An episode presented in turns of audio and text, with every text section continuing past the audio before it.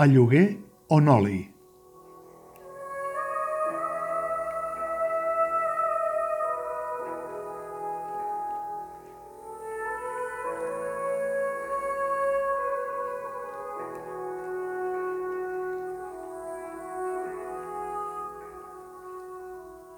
Abans de posar-me a viure al barri on ara visc, havia estat en un parell de llocs molt més cèntrics que no pas aquest. M'havia rellogat més de quatre vegades i més de quatre me n'havia sortit perquè acabava tip d'aquells amb qui em tocava de cohabitar. I, per dir-ho tot, encara em vaig enrolar, amb totes les ganes de no tornar, en un creuer arreu del Mediterrani oriental, on havia recorregut d'anada i tornada els ports de Venècia, Catacolon, Mykonos, Istanbul, Rodes, Haifa, Heracleion, Corfú, Dubrovnik i una altra vegada Venècia. Però, malgrat tot, vaig tornar i el record de la meva estada al vaixell de luxe grec en el qual em vaig embarcar encara no m'ha fugit del tot del cap.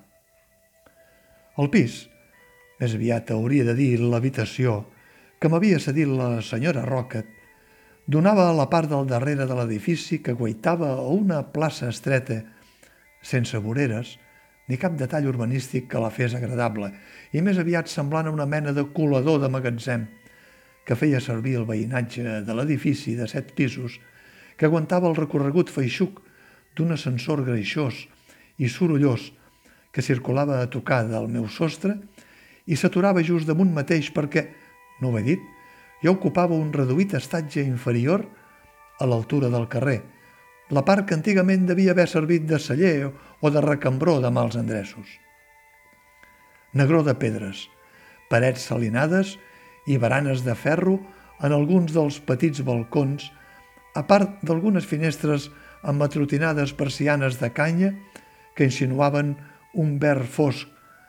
Tot això completava el decorat que jo regulllava des d'una claraboia enreixada, la qual, a tocar de la vorera, permetia que gaudís de la feble llum que, poques hores al dia, s'escolava barrots endins.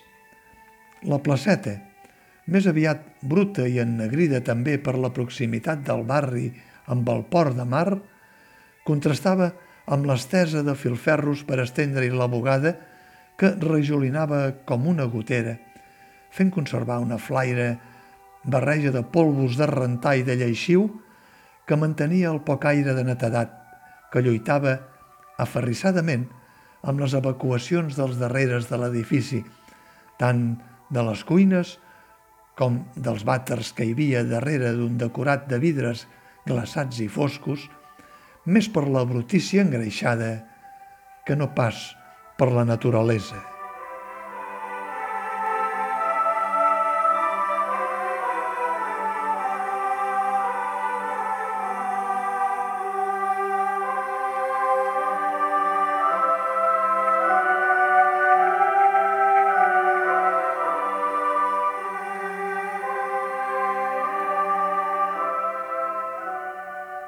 A lloguer o noli, del relat reptant com les sargantanes i aferrats a la paret.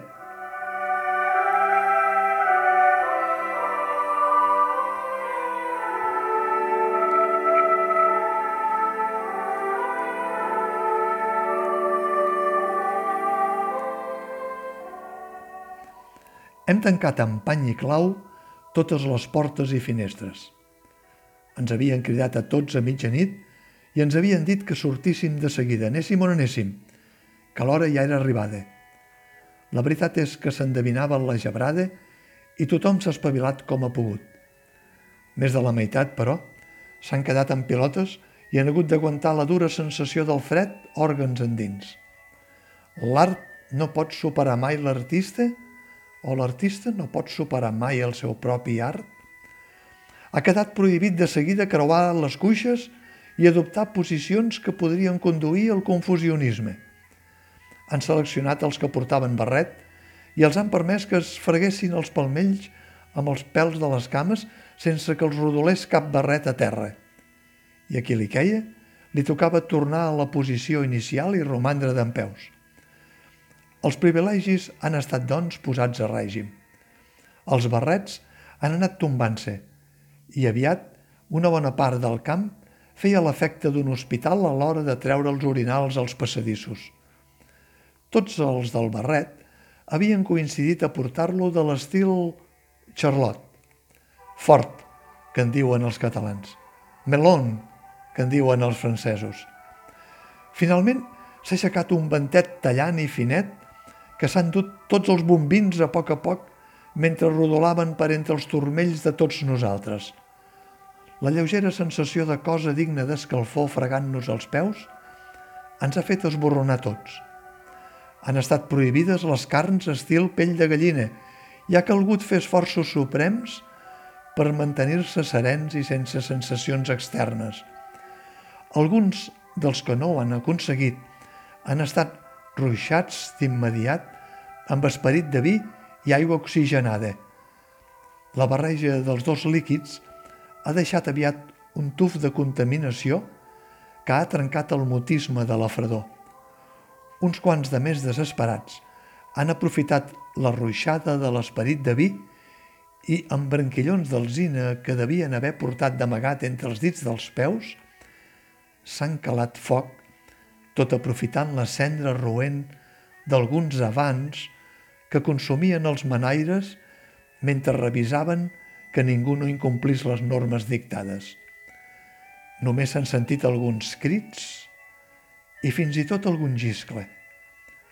Un joc d'ombres s'allargassava pel terrer a causa de les torxes que, humanament enceses, només podien servir per veure'ns les cares morades i les puntes dels nassos gebrades.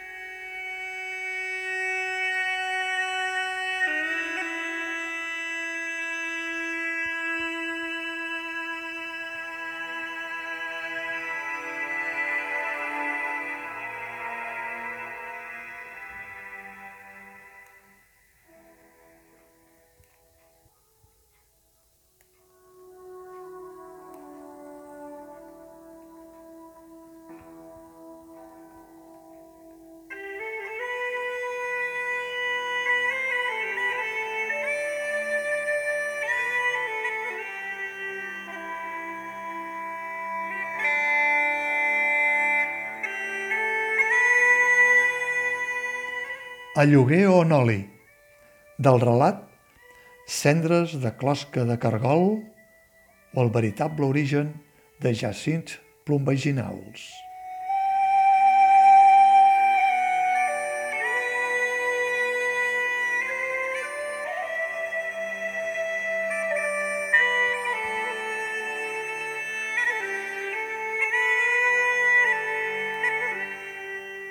Hi ha coses que són molt llargues d'explicar. I aquesta n'és una. En realitat jo vaig néixer en un país on els seus habitants no es distingien els uns dels altres per les característiques del seu òrgan sexual. Fa riure, sí, però jo hi vaig néixer i la prova més ferma que puc aportar és la del meu nom de fons.